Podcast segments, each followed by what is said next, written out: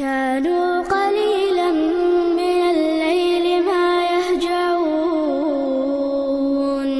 وبالأسحار هم يستغفرون Kertas, kenapa Allah membolehkan poligami? Kenapa hikmah? Fankihu ma tabalakum minan nisa Nikahilah nisa Itu syarat yang pertama Yang dinikahi itu nisa Makanya laki-laki menikahi perempuan Karena Allah menciptakan Adam dan Hawa Bukan Adam dan Asep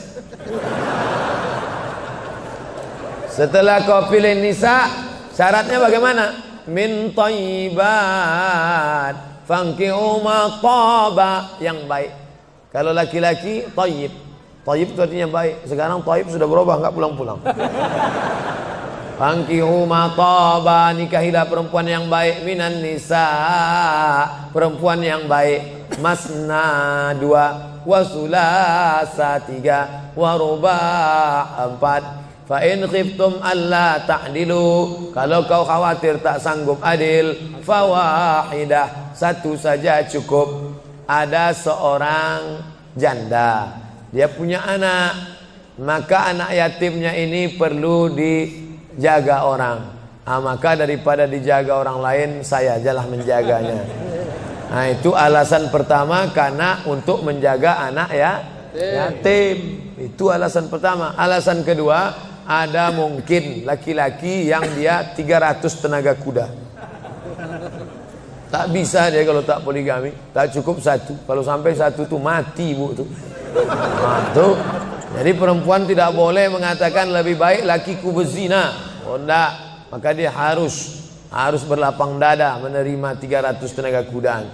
Yang ketiga untuk menghibur. Nabi Muhammad itu 25 tahun monogami, istrinya cuma satu Khadijah saja. Jadi jangan katakan dia uh, penyakit seksual dituduhkan orang sekuler liberal kafir munafik Nabi Muhammad itu 25 tahun dalam keadaan lajang tidak pernah berzina. Mereka menggelar dia al amin 25 tahun dalam keadaan istri satu Khadijah. Setelah 50 tahun barulah dia menikahi beberapa perempuan dengan alasan karena suaminya mati perang kalau dia dalam keadaan terluka dengan alasan karena untuk mendekatkan hubungan dakwah kesukuan. Kalau dinikahi anaknya maka suku itu akan menjadi tunduk dengan alasan banyak. Nah, itu jadi bukan hawa nafsu. Karena 50 tahun dia mampu mengontrol hawa nafsunya di akhir hayatnya ini adalah ujian bagi umat Nabi Muhammad sallallahu alaihi wasallam. Jadi simpelnya kalau kita naik pesawat kata pramugari ada pintu normal sebelah kanan Ladies and gentlemen, all of our passenger, seluruh penumpang sebelah kanan pintu naik dan turun. Tapi bila terjadi pesawat meledak atau masuk jurang atau meletup, ini emergency door. Ini boleh dibuka. Nah, jadi kalau mau buka itu bukalah. Ustadz, kita merindukan situasi seperti sekarang jamaah membludak sampai ke jalan, semua khusuk menyimak. Bagaimana supaya situasi seperti ini bisa terus terpelihara di hati umat? Sering-sering buat pengajian. Yang datang kemari ini bukan adik kelas saya, kakak-kakak kelas senior-senior saya. Doktor uh, Yusuf Siddiq. Saya sampai ke Mesir, Dr. Yusuf Siddiq S3 di Universitas Muhammad V Rabat. Saya S2, beliau sudah hampir doktor. Senior saya, dosen di Libya, Universitas punya Saudi Arabia, cabangnya di Jakarta. Cabang Imam Muhammad bin Saud. Mengajar di sini. Senior saya, Ustadz Ali Junifar. Ali Junifar itu senior saya. Saya sampai ke Mesir, Maroko S2, beliau S3, tafsir, dosen. Itu mengajar di sini. Hadir, siapa pun ustadznya, datang, duduk, diam, dengar. Ngantuk-ngantuk dikit. Allah mengampuni insya Allah Tapi jamaah tak ada yang Kadang saya baru ceramah 15 menit Jamaah udah melihat lantai. Tapi di Masjid Al-Qalam Masya Allah Luar biasa. Kalau sebab itu maka Anak bapak ibu wakafkan satu orang. Ha ini pentingnya. Wakaf semen sudah Wakaf anak belum. Saya ini termasuk anak wakaf Ustadz memangnya berapa orang? Saya anak pertama, adik saya satu. Kami dua cuman, laki-laki dua-duanya. Tapi cucu datuk mbah saya lebih 40 orang.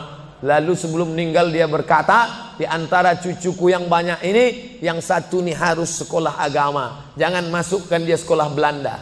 Mbah saya nggak tahu sekolah umum, dia tahu sekolah Belanda. Yang ini harus sekolah agama. Maka saya tak pernah sekolah umum. Ibtidaiyah, sanawiyah, aliyah, ke Mesir. Yang ini jangan sekolah umum. Kalau umurku panjang, aku yang akan membiayai dia ke mana pun sekolah. Tapi kalau aku mati, ini aku tinggalkan kebun kelapa 2 hektar untuk biaya sekolah dia. Ketika mbah saya meninggal, pokok kelapa itu pun mati. Hmm.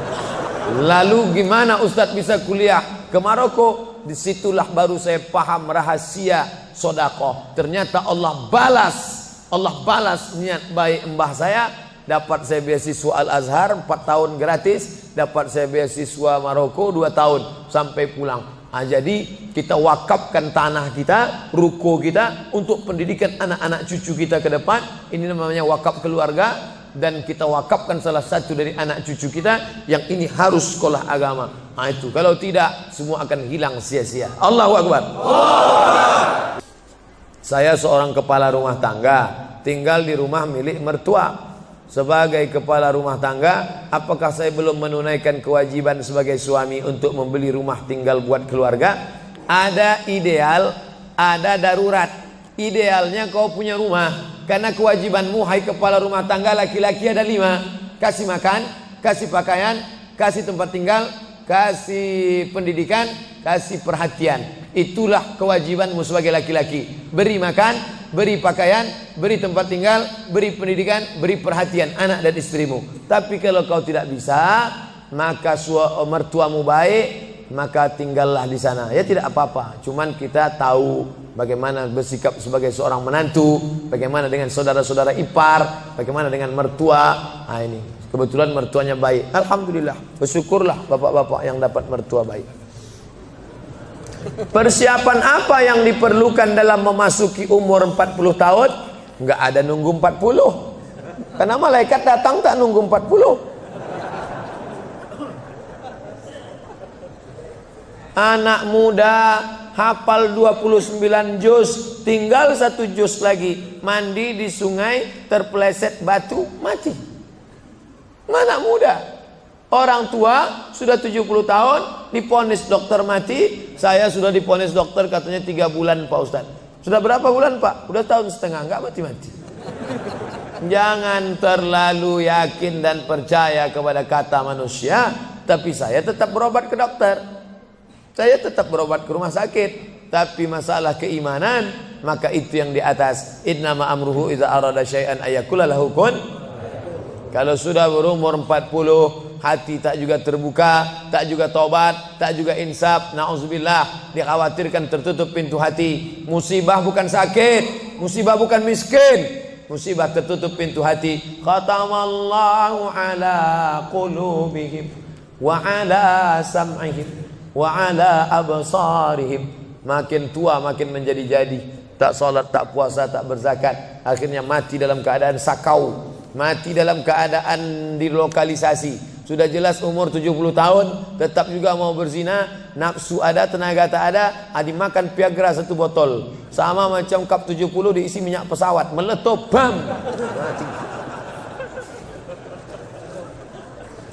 Bagaimana hukumnya kalau sedang sa'i baca Mars, Banser dan membacakan teks Pancasila yang videonya sekarang sedang viral?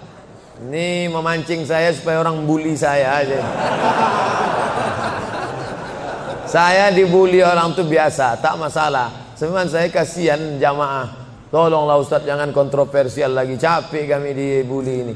Nah, jamaah ini tak tahan, kasihan saya dengan jamaah. Jadi dalam masalah ini saya mengutip jawaban dari Kiai Nahdlatul Ulama yang sudah share membuat tulisan tentang beberapa terkait masalah uh, membaca. Balik sajalah kepada zikir yang maksur yang diajarkan Nabi Muhammad sallallahu alaihi wasallam.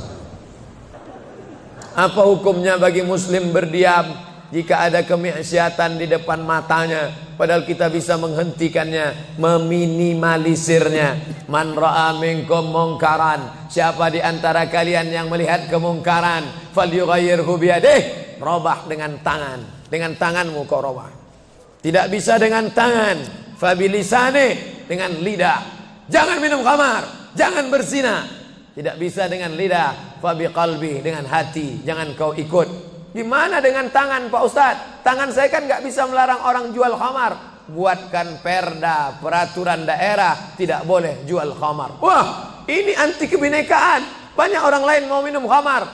Pergi ke Papua. Peraturan gubernur Papua tidak boleh jual khamar di sembarang tempat. Bukan muslim mereka. Kenapa? Karena efeknya kalau sudah minum kelahi, tawuran, bunuh-bunuhan. Dan mereka ngerti itu. Padahal mereka, kau bukan saudaraku satu keyakinan, tapi kau saudaraku satu kebangsaan. Sama-sama menganggap, memahami bahwa khamar itu merusak otak akal manusia. Mau Hindu, mau Buddha, mau Kristen, mau Ortodok, mau Koptik, semuanya percaya bahwa ngelem itu tidak baik. Betul? Tunjukkan saya mana agama yang mengatakan boleh ngelem. Gak ada. Oleh sebab itu maka cegah kemungkaran. Dengan apa? Dengan perda, peraturan daerah. Yang buat perda itu siapa? Yang buat perda itu siapa? DPR. Yang milih DPR siapa? Kita. Kapan kita milihnya? 2019. Nah, Kalau begini banyak suara, segini banyak. Wah, politikus-politikus kalau sudah melihat orang banyak begini beda dengan pedagang. Kalau pedagang melihat banyak dia pikir ini untungnya berapa nih. Tapi kalau politikus melihat banyak, wah ini dua kursi nih katanya. Oleh sebab itu ramaikan masjid. Semangat sholat subuh berjamaah. Allahu Akbar. Ada hadis menyatakan sebaik-baik sop wanita di belakang. Tapi di sebagian masjid sop berjamaah wanita ada yang di sebelah dengan pria dikasih pembatas. Mohon penjelasannya. Kenapa perempuan lebih baik di belakang? Karena tidak ada satir. Satir itu kain penutup hijab. Makanya perempuan lebih baik di belakang. Karena di antara perempuan dan laki-laki itu ada anak kecil dipasang sop di belakang. Maka perempuan yang di belakang itu paling baik karena dia tidak melihat laki-laki. Laki-laki paling baik di depan karena dia tidak melihat perempuan. Sedangkan kalau ada temboknya, ada dindingnya, ada kainnya, bisa dibuat di samping Masjid Istiqlal. Itu dibuat di samping kiri atau di atas. Masjid Hasan II di Casablanca Maroko itu dibuat di atas. Jadi yang menjadi ilat sebab hukum dalam hadis itu bukan depan belakangnya tapi dinding pembatasnya. Nah, maka ada pembatas. Masjid ini sudah baik, bisa dibuat di atas, bisa dibuat di samping dan kalau jamaah tidak banyak dibuat di belakang, dibuat dengan tirai. Tirai-tirainya penutup sampai ke kepala. Karena ada juga tirai, tirai saya lihat hanya sampai ke pinggang. Itu nggak ada gunanya. Karena orang tetap bisa melihat. Nah, ini masalah melihat. Terima kasih segala perhatian. Mohon maaf segala kekhilafan. Minta ampun kepada Allah beristighfar. Membaca Al-Fatihah lalu kita berdoa. Astaghfirullahalazim. Astaghfirullahalazim. Astaghfirullahalazim. Alladhi la ilaha illa huwal hayyul qayyum wa atubu ilaih. Ala hadhihi niyah wa kulli niyatin salihah. Al-Fatihah. أعوذ بالله من الشيطان الرجيم. بسم الله الرحمن الرحيم. الحمد لله رب العالمين. الرحمن الرحيم مالك يوم الدين. إياك نعبد وإياك نستعين. اهدنا الصراط المستقيم. صراط الذين أنعمت عليهم غير المغضوب عليهم ولا الضالين. آمين. Allahumma inna nas'aluka salamatan fid din. Berikan kami keselamatan dalam akidah agama anak-anak kami ya Allah. Wa afiatan fil jasad. Sehatkan badan kami supaya kami beribadah dengan baik ya Allah. Wa ziyadatan fil ilm.